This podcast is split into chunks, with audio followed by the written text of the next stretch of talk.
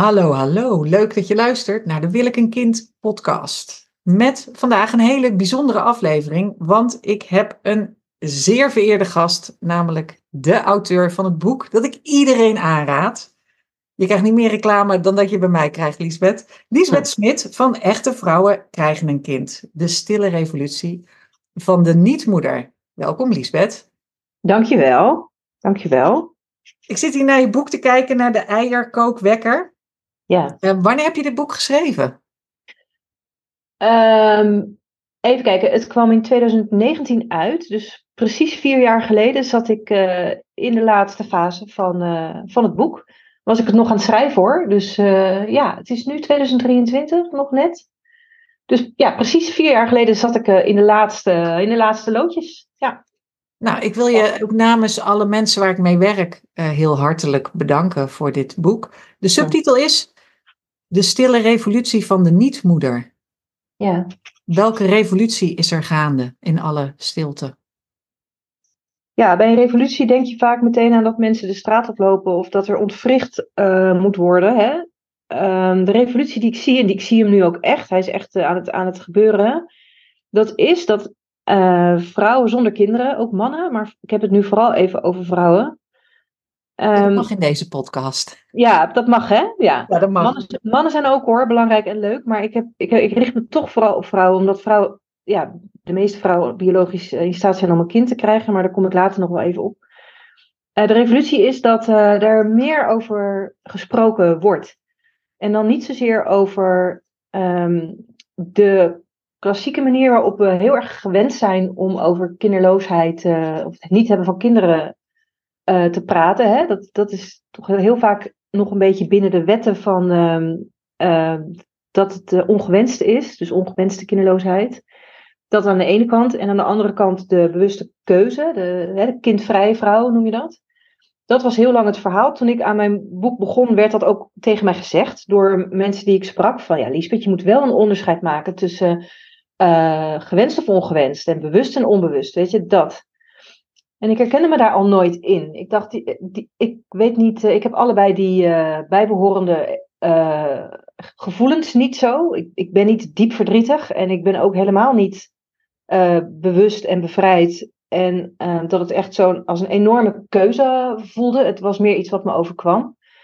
En toen ik mijn boek ging schrijven, toen kwam ik ook achter dat, nou ja, dat staat ook in mijn boek, dat dat, dat, dat, dat verhaal van de, het niet krijgen van kinderen omdat het leven zo loopt, omdat de omstandigheden zo zijn, omdat het voor een deel buiten jezelf om wordt beslist, maar ook omdat je daar zelf in meegaat en dan uiteindelijk toch een vorm van agency krijgt in dat verhaal. Hè? Dus dat je het ja, van jezelf daadkracht. Gaat daadkracht en dat je het gaat accepteren en gaat, gaat, zien van, oh dit, oh, dit geldt ook voor mij.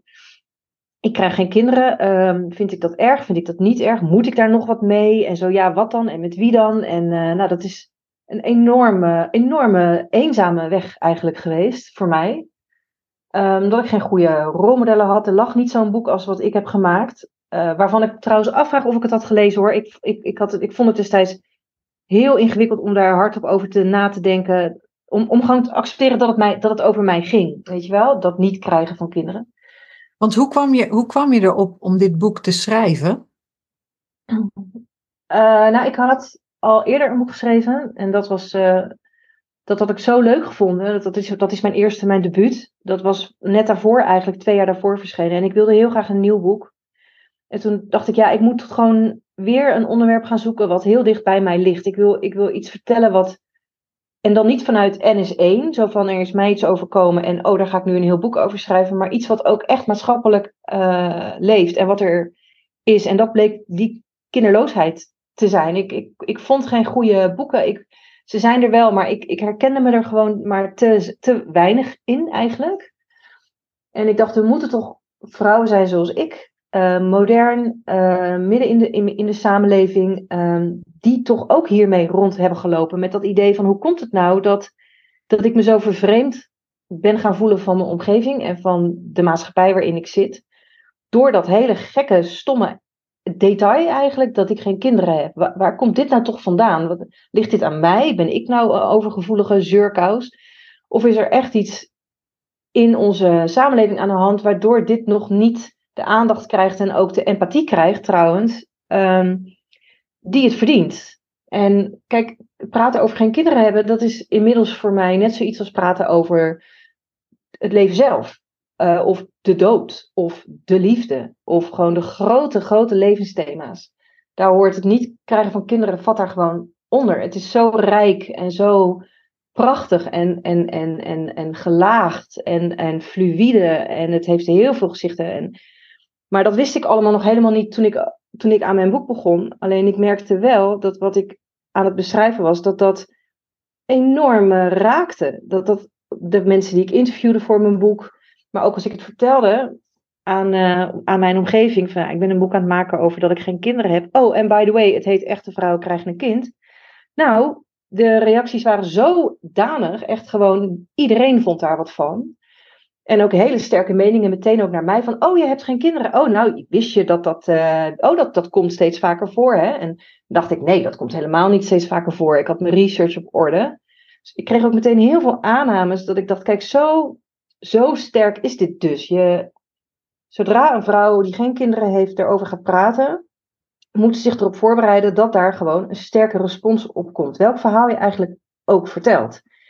En, en dat is misschien ook wel een beetje wat ik bedoel met die stille revolutie. Omdat ik weet hoe uh, eenzaam het proces kan zijn, maar ook hoe uh, gevoelig en best wel spannend, en dan druk ik me nog zacht uit, het is op het moment dat jij er hardop over iets gaat zeggen, in een boekvorm of in een podcast of en dat zie ik de laatste paar jaren gewoon steeds meer vrouwen doen. Uh, het is echt geopend. Uh, met alles wat daarbij hoort. Want uh, natuurlijk zijn er zoveel meningen en zoveel ideeën over wat dit is. En ook misschien wel een klein beetje over hoe ik het heb gedaan. Maar dat maakt me eigenlijk niet zo heel veel uit. Omdat ik omdat ik dacht, ik doe dit om te beginnen ook voor mezelf. Om dit heel erg goed te parkeren in mijn eigen leven. Ik ben schrijver en dan is een boekvorm gewoon de allermooiste vorm die ik kan. therapie de beste vorm van therapie. Daarom, toch? Ja, toch? Ja. Dus nou, voor mij ook zeker. En, en daarbij, um, er, er, het was nog niet zo... Uh, het, het was nog niet zo op straat, laat ik het zo zeggen. En er moeten mensen zijn die dat doen, waardoor de rest kan gaan reageren erop. En dat is eigenlijk wat er is gebeurd, denk ik. Met... Want wat, wat was jouw, toen je dit schreef, wat was toen je uh, situatie, je status in het, ja. uh, in het kinderwensvraagstuk, in, in deze levensvraag? Ja, toen ik begon met schrijven was ik uh, 44. Ik werd 45 vlak voordat mijn boek verscheen. Nou, 45 is die leeftijd volgens de statistieken ben je dan officieel kinderloos. Hè? Zo kom je dan in de, in de statistiek. Oh, kom je in het CBS-register. wist ik niet. Ja, wist ik niet. Maar dat, is, dat vond ik ook al zoiets van, wat? Maar ja, inderdaad, dan kom je dus, dan wordt, dan wordt dat geregistreerd. En dat heeft het CBS me ook uitgelegd. Van, ja, daarna is de kans, daarna, na die leeftijd is de kans gewoon heel klein dat het nog gebeurt. Het gebeurt wel eens. Maar die is zo te verwaarlozen dat... Een anomalie in de statistieken, dat, dat is niet... Uh, precies. Die dus dan krijg je. Nou, precies. Dat is dan uh, leuk voor je, maar dat is dan wel een uitzondering. Dus ik kreeg een vinkje dan uh, achter mijn uh, naam. Dus als ik morgen onder de tram loop, dan, dan, dan kom ik dus als kinderloze middelbare vrouw kom ik naar buiten, dankzij het CBS. Nee hoor, dit is een grapje. Maar dat wist ik niet. Um, en de, plek waarop ik stond was dat ik, ik wist wel dat ik, het, aan, dat ik er vrede mee had. Toen ik mijn boek ging schrijven, was ik niet meer um, heel erg gevoelig of emotioneel over wat er was gebeurd. Ik, ik had al besloten dat ik geen moeder werd. Dat, dat moment beschrijf ik ook in mijn boek. Dat was al een paar jaar daarvoor gebeurd. Dat, dat gebeurde op mijn 41ste. Je zou kunnen zeggen, je kon nog, er was, het had allemaal nog gekund en dat was waar. Dat had ook allemaal nog gekund. Maar ik wilde dat niet meer. Um, terwijl ik op mijn 35ste nog dacht dat, dat ik echt, als ik geen moeder zou worden, dat dat, dat, dat iets heel ergs, ergs zou zijn. Um, is er toch in die, in die paar jaar die ertussen lag eh, vrij veel veranderd in, uh, in hoe ik daar naar keek. En uiteindelijk kon ik het wel echt wel accepteren, rond mijn 41ste al. Dus ik was al een paar jaar in, dat, in, dat, in, in, dat, in die acceptatie van uh, moederschap is niet voor mij. Um, en dat was oké. Ik was niet zo oké ermee als dat ik nu ben. Ik ben nu bijna 50.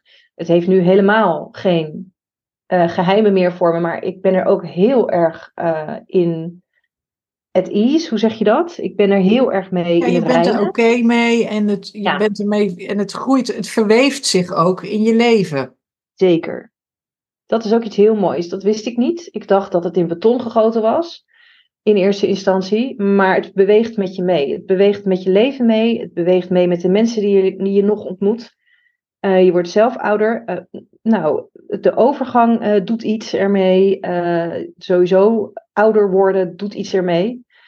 Ehm, dus dat wist ik niet. Dat er nog eigenlijk heel veel op mij af zou komen. Hele mooie dingen trouwens. Want ik ben daar heel. Het, ja, het leven is gewoon heel, heel zacht voor mij geweest.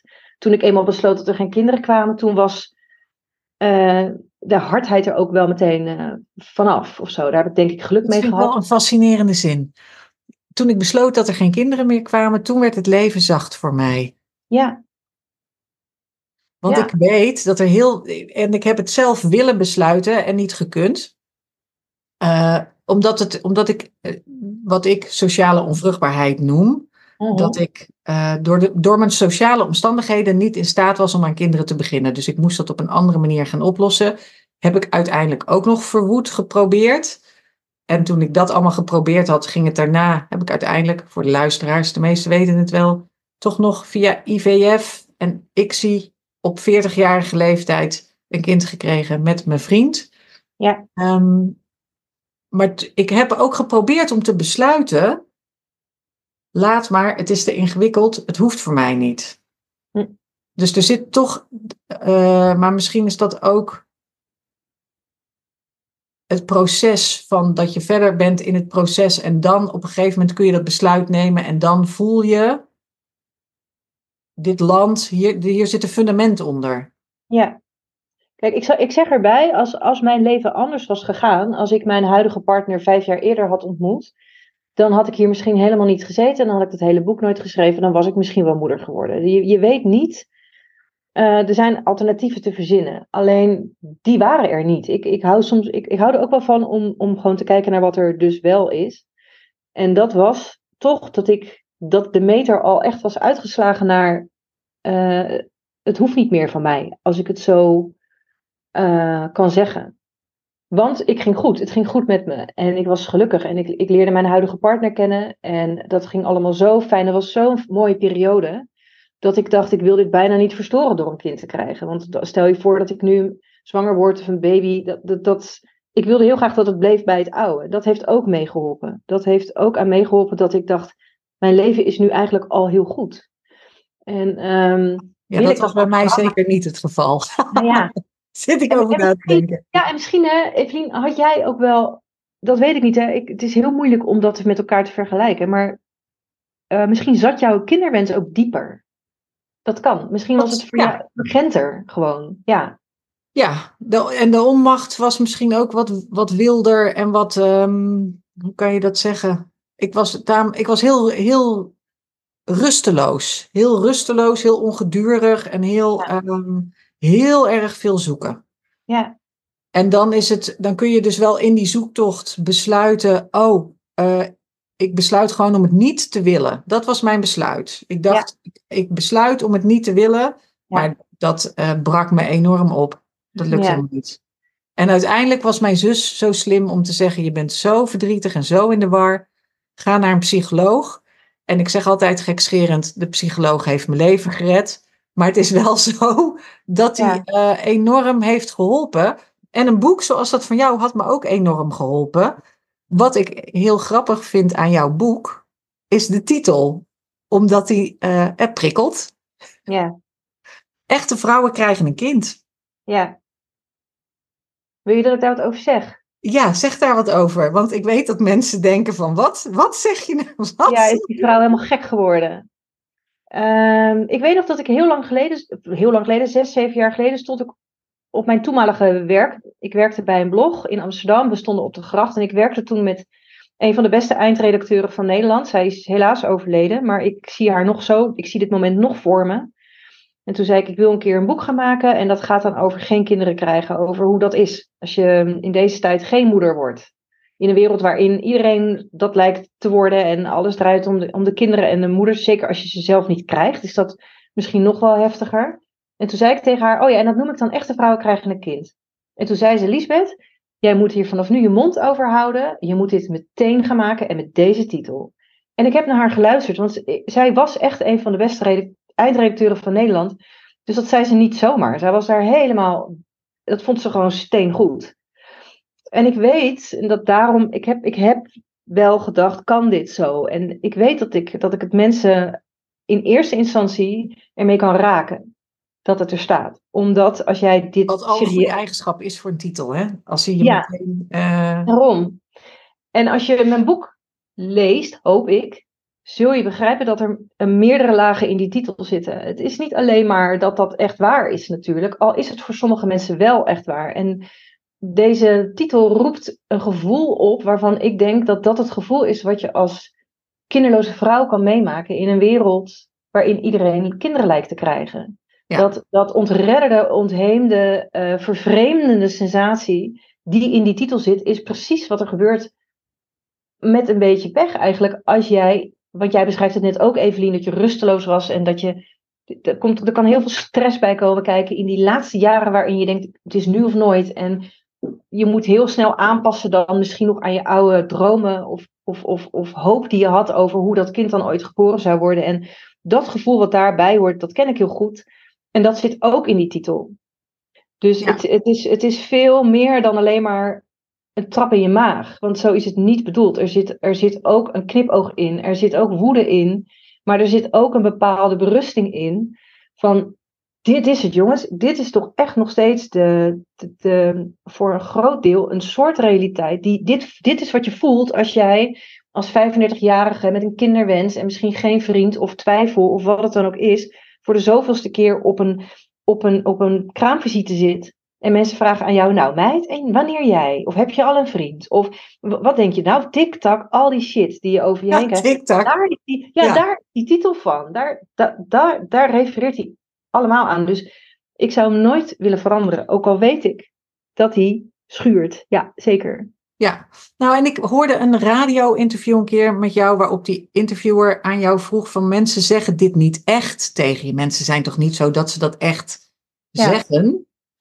Uh, nou, wat, wat, wat is daarop jouw antwoord? Ja, mensen zeggen dit wel echt. Mensen zeggen dit. En mijn boek wordt ook gegeven ik krijg, daar nog, ik krijg nog steeds berichten over dit boek. Dat is er ook zo schitterend aan. En dit boek wordt gegeven aan vrouwen die geen kinderen hebben. Een vrouw van een jaar of dertig heeft dan een leuke vriend. En die krijgt dan van de schoonmoeder het boek Echte vrouwen krijgen een kind.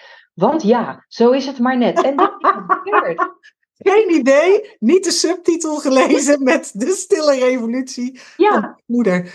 En, en wat voor ah, we kunnen niet, dit kan niet, Liesbeth. Het is zo niet woke om grapjes over schoonmoeders te maken. Oh, is het zo? Ja. Nou, oké. Een, een mens, een, mens, mens in haar leven heeft dit gedaan. En ik denk dan, nou, wat voor idioot boek zou dat dan zijn? Om te beginnen, waarom geef je dat aan iemand? Zo van, wat, waar gaat dat in vredesnaam over, dat boek waarin dat waar zou zijn?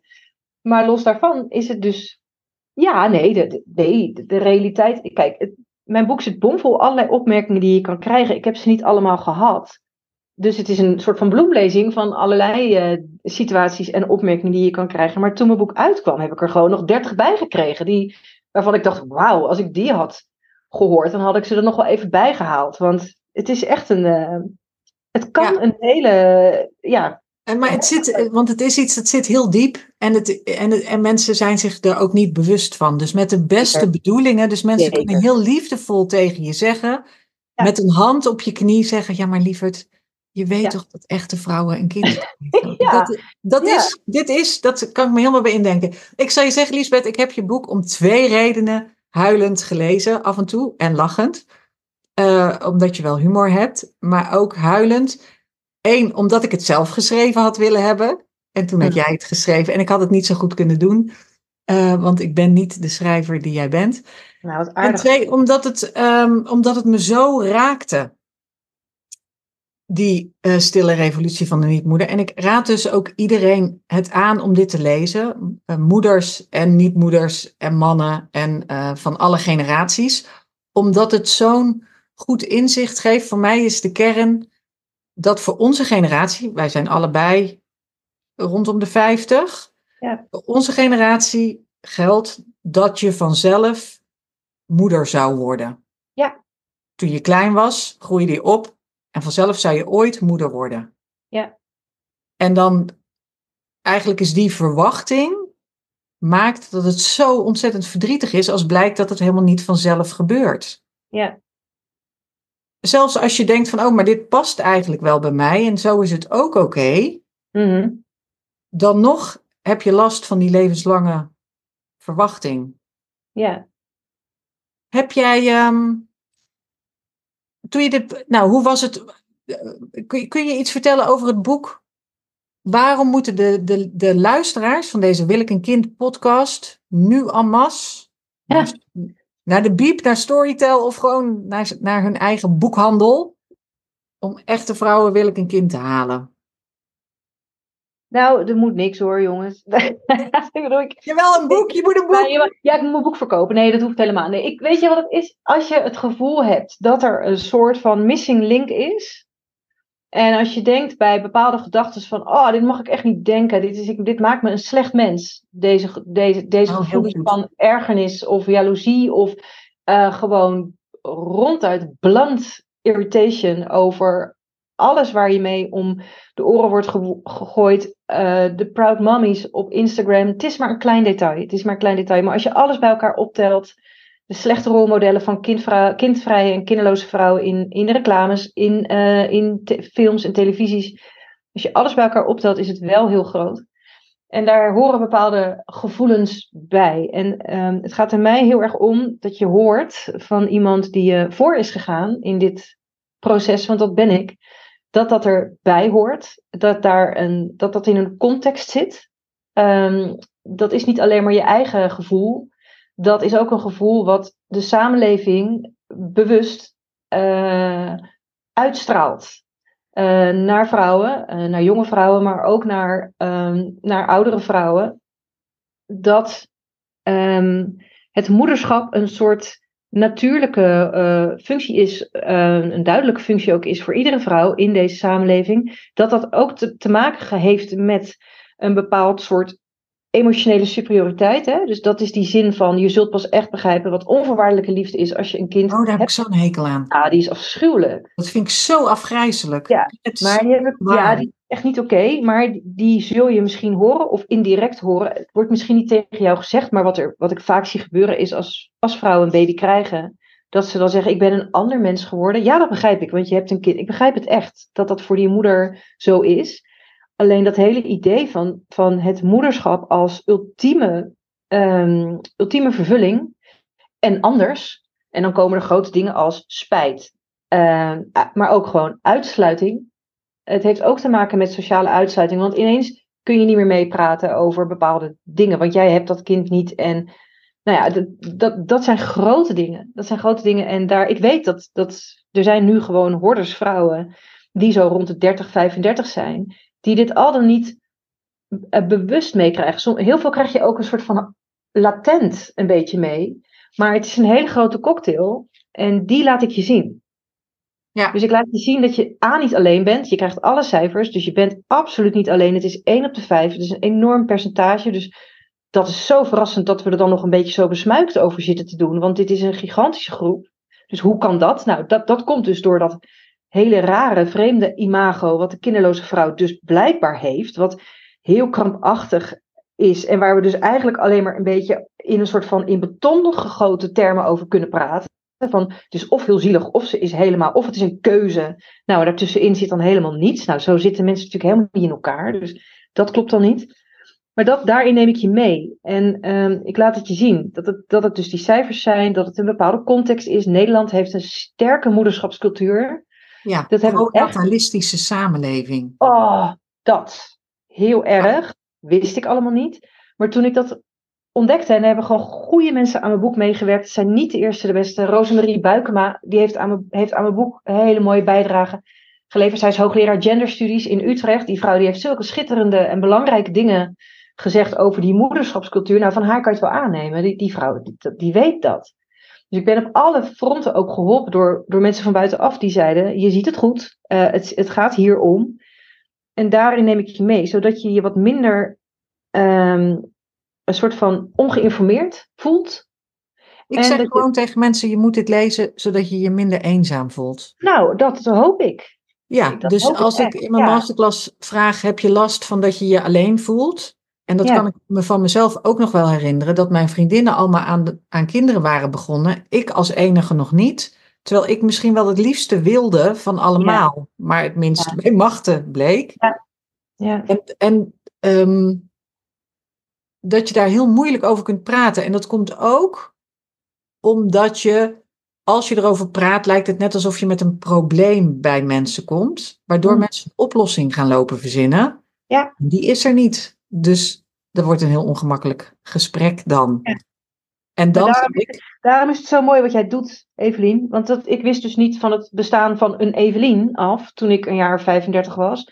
En het helpt wel om er met mensen die weten waar het over gaat. Dus niet misschien je zus of je vriendin of de mensen met alle beste bedoelingen om je heen, die inderdaad die oplossingen voor je gaan zoeken, die nog helemaal niet zo makkelijk te realiseren zijn vaak. Maar om iemand tegenover je te krijgen die misschien net even ietsje ouder is, die daar al is geweest, die dat hele veld hiervan al kent, al dan niet uit eigen ervaring. En die dan zegt, weet je, ik kan je wel, ik kan je helpen determineren. ja, ik kan, je, ik kan je helpen verdieping aan te brengen. Ja. Buiten alleen maar de pijn. En je Ja. had het net over die cijfers, want ik weet nog dat er zit, staan cijfers in je boek die, ik heel, die mij choqueerden. En dat was van de groep, dus één op de vijf vrouwen blijft zonder kind. Ja. 1 op de 5 mensen.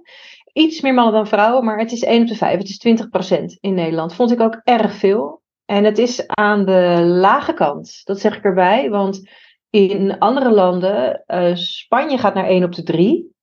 Ehm, Duitsland zit op Wow. 1 op de 4. Engeland zit op, op 1 op de 4. Italië heeft, heeft ook een dalend eh, geboortecijfer. Eh, die cijfers heb ik twee jaar geleden opnieuw laten doorrekenen. Toen kwam er een herdruk van mijn boek. Toen heeft het CBS opnieuw gerekend. Dat is echt, ik ben zo goed geholpen door iedereen. En dus Nederland is nog steeds 1 op de 5. Eh, en dat is aan de lage kant nog. Dat vond ik er best wel schokkerend aan. Dat ik dacht. Hè? Binnen Europa is het nog. ja, als ik dan kijk naar Italiaanse en Spaanse vriendinnen, dan hebben die nog grotere problemen Ja, op Daar de woningmarkt en Ja. economische zelfstandigheid. En Ja. daar komt het door. eh, vooral dan de, dus die, die, die externe factoren, de randvoorwaarden die je nodig hebt om er überhaupt aan te kunnen beginnen. Ja. Plus een stabiele relatie, spreek Ja. ik dan uit eigen ervaring. Nou, Ehm, zeker. Ja. Maar wat me opviel van die groep, die 20%, is een gedeelte die kiest voor een leven zonder kind. Ja. Er is een gedeelte, lukt het fysiek niet. Ja. En een heel groot gedeelte, daar is het eigenlijk vanzelf niet gebeurd. Nou, in die laatste groep zit ik. En eh, hoe het dan wordt doorgerekend, is dus 10% is bewust kindvrij. Dat zijn de mensen die kiezen, om wat voor reden dan ook. Kan van alles zijn, hè. Het kan zijn, ik hou niet van kinderen, tot, eh, nou, ik heb nooit een moedergevoel gehad, tot, nou, ik wil dit gewoon niet, punt. Eh, eh, dat- Ja. nou, Wat ook oké is. maar het is een nee. Het is gewoon een, een, een, een Ja. emotionele nee naar dat moederschap. Dat is 10%. En dan is er 10% van de vrouwen die het heel graag had gewild, misschien, of, die wel een moeder had willen worden, maar bij wie het door ehm, medische of fysieke redenen niet eh, kan. Dus daar vallen de vrouwen onder die bijvoorbeeld in ehm, IVF-trajecten terechtkomen, of, eh, nou ja, of die helemaal, of die geboren zijn zonder baarmoeder bijvoorbeeld, die heb je ook. Of vrouwen met de fibro, of nee, eh, vrouwen met endometriose, weet je wel? En Die gewoon, eh, zeg ik het goed? Endometriose. Die? Nou, dat is ook nog geen, dat is ook nog geen klein groepje trouwens hoor. En dat is ook een hele aparte groep die dus. Nou ja, ik zei net al eerder iets over vrouwen die heel veel last hebben van hun, eh, van hun menstruatie. Maar in ieder geval dat, nou ja, vrouwen die, die dus om die reden, die om medische en fysieke redenen geen kinderen kunnen krijgen. Maar dat is ook 10%. En die 80% die overblijft, dat zijn de vrouwen bij wie inderdaad het woord sociale vruchtbaarheid, sociale onvruchtbaarheid, pardon, eh, in beeld komt. Childless by circumstance noem je dat in het Engels. Hè? Dus Ja, door omstandigheden. Ja. Ja, de omstandigheden. En dat gaat over geen geschikte partner, eh, twijfelen, eh, denken ik wil het wel, ik wil het niet. Nog even wachten. Kijk, ik ben ook opgegroeid, Evelien, met Madonna.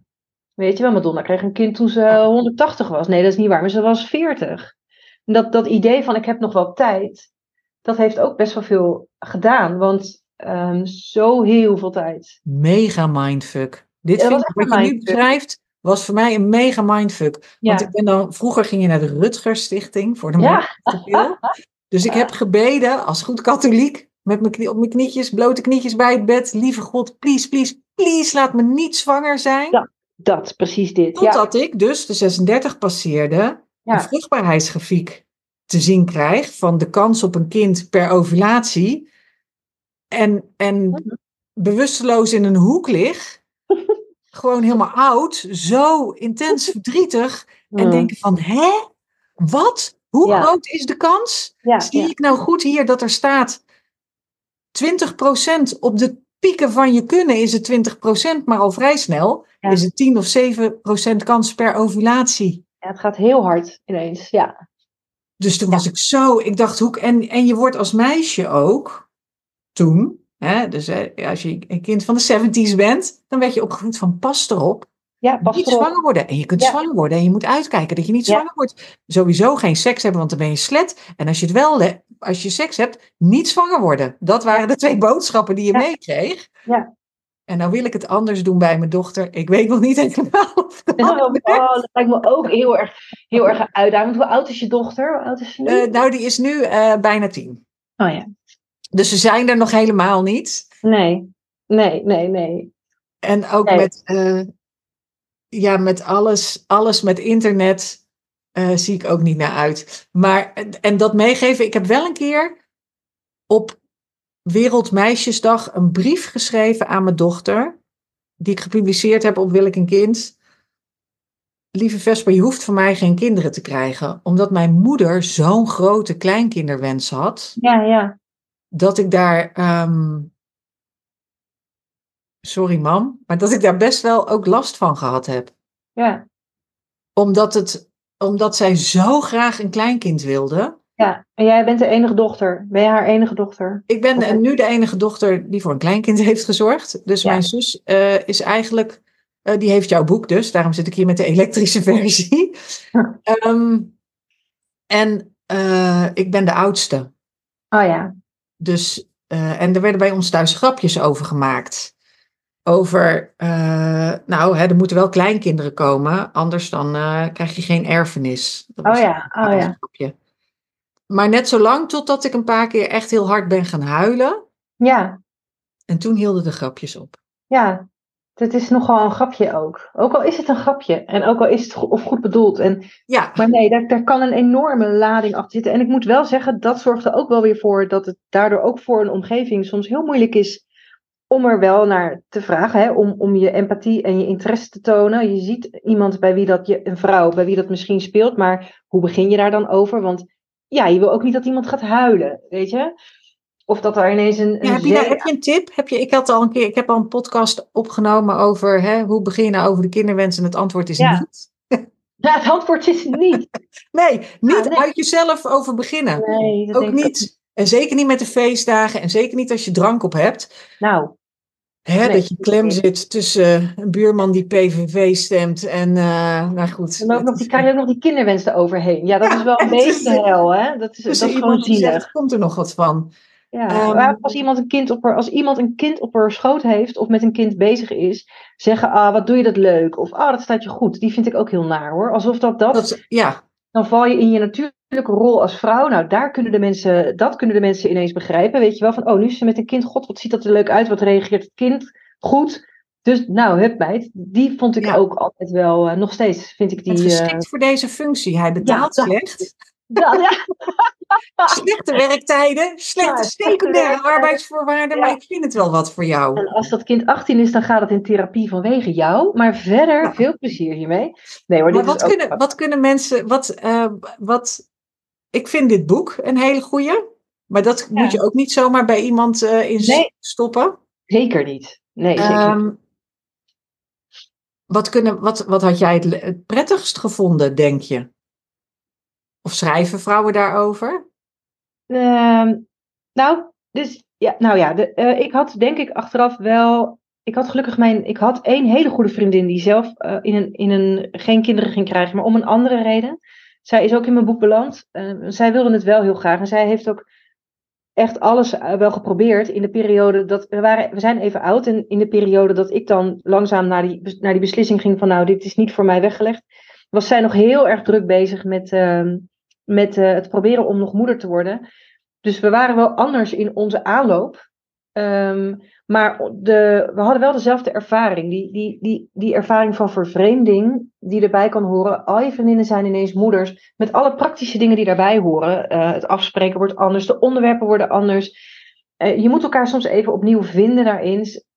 Om allerlei redenen. Niemand doet iets verkeerd. Maar er is gewoon. Er kan een verwijdering even ontstaan uh, in, die, in die periode. Zeker als je er zelf nog mee in touw bent, mee aan het worstelen bent, misschien wel. Met wil ik het wel, wil ik het niet?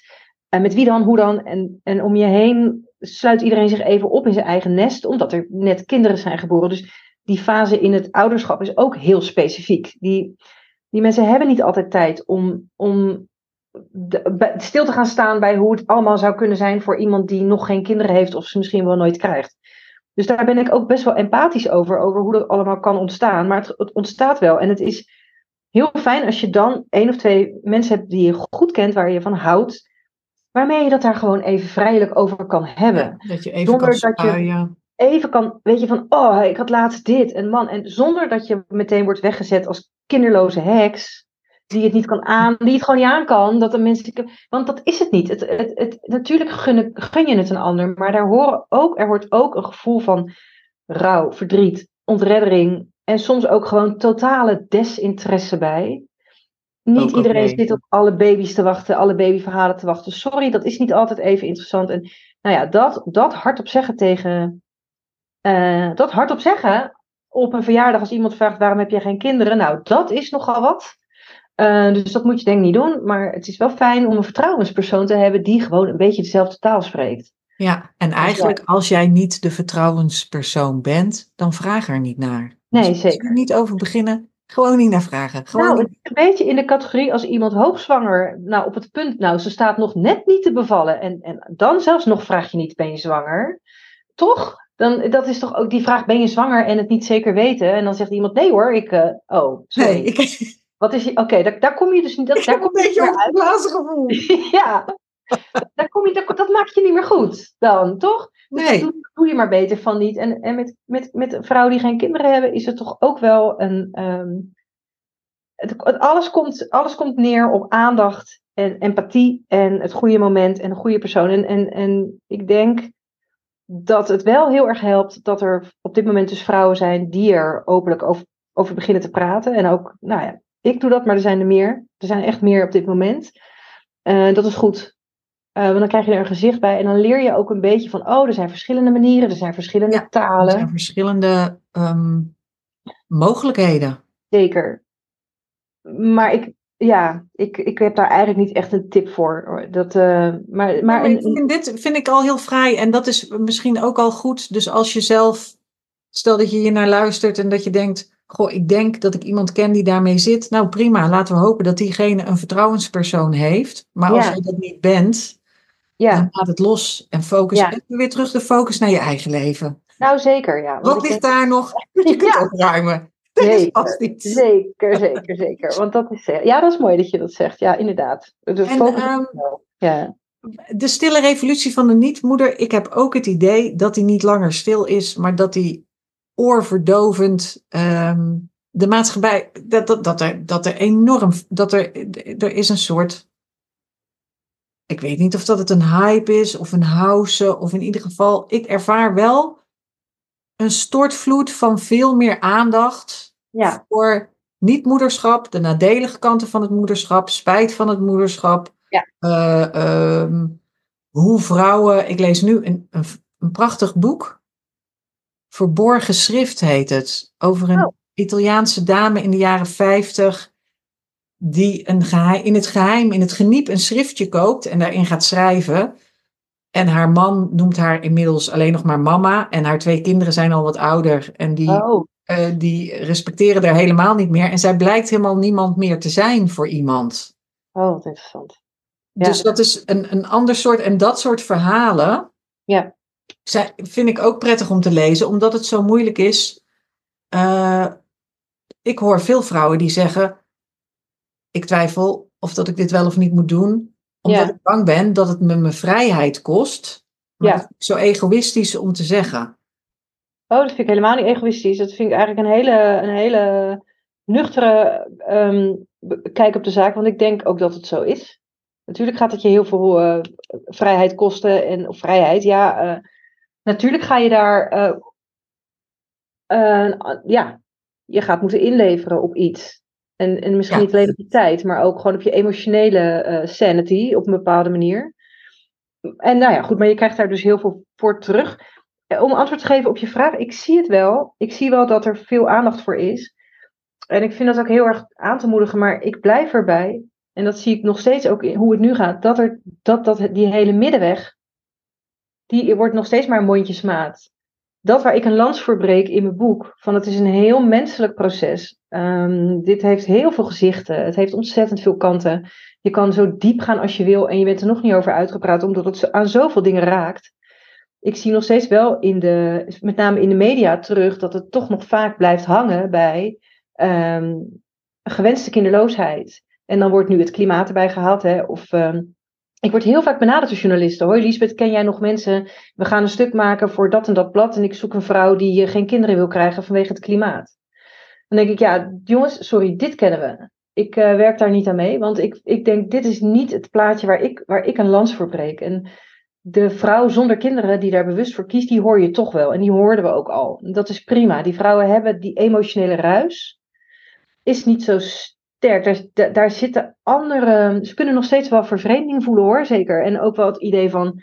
Waarom krijgt iedereen nou toch kinderen en zien ze nou niet wat ik zie? Of waarom, waarom ben ik nou zo'n vreemde eend in de bijt? Of dat soort emoties. Maar dat verhaal horen we wel, omdat, daar, omdat dat niet zo moeilijk is um, om te vinden. En bij die vrouw die heel graag een kind had willen krijgen, de, de, de ongewenste kinderloosheid, die verhalen, ik ben zelf natuurlijk journalist, ik ben blademaker. Ik, ik zie ze ook, dat zie ik ook wel terugkomen. Iets minder, want het is natuurlijk emotioneel heel beladen. Dus dat, die vrouwen moeten best wel een, een barrière over om dat dan te vertellen. Maar dat, dat zag ik eigenlijk ook al wel. Waar het mij heel erg om gaat, is dat ik het echt storend vind dat we het kinderloze leven, het, het leven zonder kinderen, nog steeds alleen maar kunnen begrijpen als we zeggen, nou, of ze kon het niet, en dat vinden we heel vervelend en verdrietig. Of ze wilden het niet. En dat is dan leuk voor haar en toch een beetje vreemd. Ik, ik chargeer enorm, maar dit is het wel.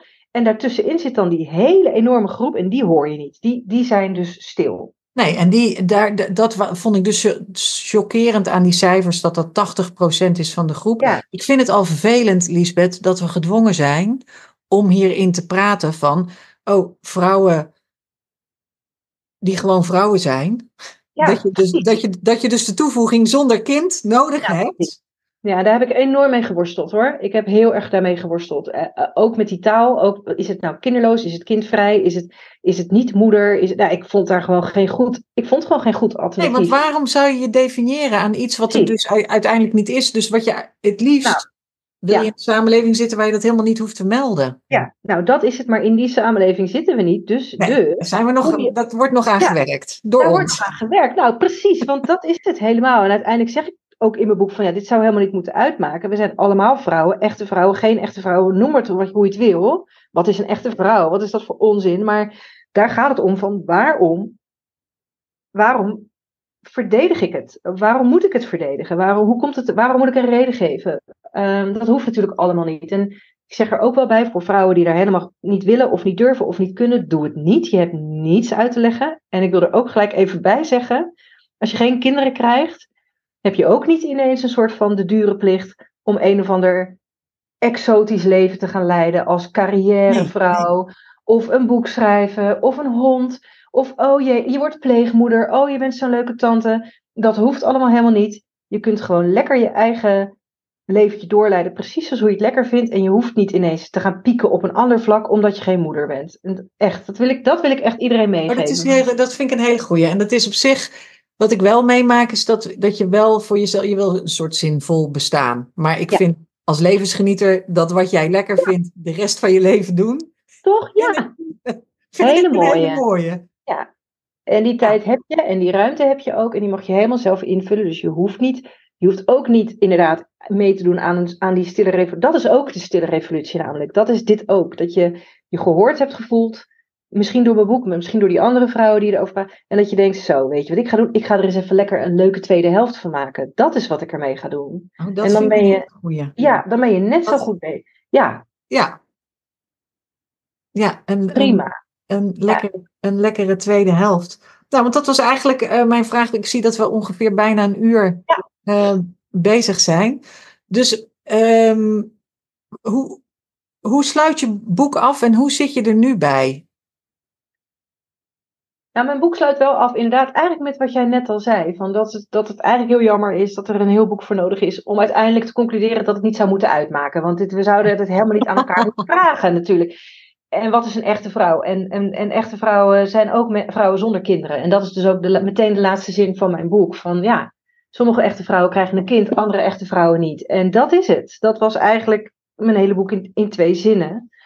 Ja. Ehm, dus dat is ehm, hoe ik het afsloot. En dat is eigenlijk het punt ook wel waarop ik sta. Want ik moet wel zeggen, ik sta op een hele goede plek op dit moment in mijn eh, leven. Ik voel me heel goed, eh, heel erg rustig. En het heeft heel mooi voor mij uitgepakt. Eh, ik heb geen spijt gekregen dat ik geen kinderen heb. Het is heel belangrijk dat je dit nog even Oh. erbij zegt. Ik ben daar Want- zo voor gewaarschuwd. Oh nee, doe het nou maar, dan krijg je spijt. Mensen- Ik ben bang dat je spijt krijgt. Ik vind dat daar gewoon een boete op mag. Ja, Mogen alle mensen die op iets stemmen waarvan ze zeggen er moeten meer boetes uitgedeeld worden, doe maar een boete voor mensen ze- Ja. die zeggen: spijt van. Oh, wil jij een persoonlijke beslissing nemen? Daar krijg je later spijt Spijt van. van.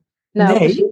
nee, daar weet die ander om te beginnen helemaal niets van. Het, het valideert ook de keuze van die ander tot iets wat niks waard is. Want nee, jouw keuzes, die zijn goed. Weet je wel, dat is dus wat je eigenlijk zegt. Dus het is Ja. op zoveel fronten is het naar. En je weet het niet. Want het zijn nooit de vrouwen zonder kinderen die dat tegen je zullen zeggen. Ik heb dat in ieder geval nog nooit meegemaakt. Eh, er wordt misschien wel gezegd, nou, je zal er nog het een en ander aan ontdekken. Maar eh, dat is iets anders dan spijt. En ik heb geen spijt. Ik zal ook nooit zeggen, ik ben het beter af dan moeders, want ik heb geen kinderen. Ik, ik hou gewoon niet van die hele hiërarchie. Dat is, dat is het precies. Dat Ja. woord egoïsme gebruiken, dat Nou, tegen dat. elkaar opzetten. Dat, ehm, Ja, ja, nou, daar, zijn we, daar kunnen we elkaar helemaal in vinden. Maar je bent Ja, op een hele goede plek. ja, ik, wil je daar, dus dat is prettig voor de mensen. ja, dat kan dus. Hè. Ik, ik word eh, over een paar maanden, word ik, over, in februari word ik 50. Nou, ik denk, goh, ik heb nog nooit me zo rustig en duidelijk en helder gevoeld. En nou ja, het helpt ook mee dat je 50 wordt, dat weet ik wel. Dan, dan gaat er ook wel een beetje bullshit uit het leven, gelukkig. Je wordt heel duidelijk over dingen. Dat had ik, hoorde Ja. ik altijd al. Dat is ook echt zo. Ik vind dat heel leuk. Heel lekker ook. Ja, dat is heel grappig. Dat vind ik zelf ook heel leuk Ja, aan de overgang. Ja, Dat je Dat je denkt, oh, ik dacht dat ik hem al had, die fuck, eh, fuck you mentaliteit. Maar nu heb ik hem. daar komt hij. Daar komt hij. En hij is heel lekker. Hij is echt Ja. heel lekker. Ja, soms een beetje schrikken voor de, voor de mensen, maar ik, dat heb ik ook niet meer. Nee, weet je, ik wil alleen maar zeggen dat dat, dat waar ik altijd bang voor was, van, eh, waar ik toch wel niet heel grondig, maar ik heb het als schrikbeeld meegekregen uit mijn opvoeding, uit, uit de maatschappij, uit, het, uit Madonna, die op de, al die dingen waar we het over hebben gehad. Dat heeft zich tot iets ontwikkeld waardoor ik dacht, oké, maar als je geen kinderen krijgt, dan, dan, dan, doe je, dan mis je een boot. Dat ook, die term, de boot missen. Welke boot, jongens? Eh, ehm, maar je wordt zo geconditioneerd in, doe het nou maar, want anders. En hoe dat, dat andere er dan uitziet, daar hoor je dan weer precies niets over. Dus dat er vrouwen zijn die zeggen, nou, ik heb geen kinderen, het gaat prima met me. Dat hoor je dan weer net niet. En als ze dat al zeggen, dan is er toch heel soms een beetje de schijn van, ja, dat zegt ze nou wel, maar eigenlijk. Of, eh, nou ja, eh, ook een beetje gek, want eh, dat, daar- dat wordt dan misschien ook niet per se geloofd. Maar ik kan je vertellen, ik ben zo'n vrouw. Ik ken heel veel vrouwen inmiddels voor wie het ook geldt, want die komen allemaal op me af vanwege dat boek.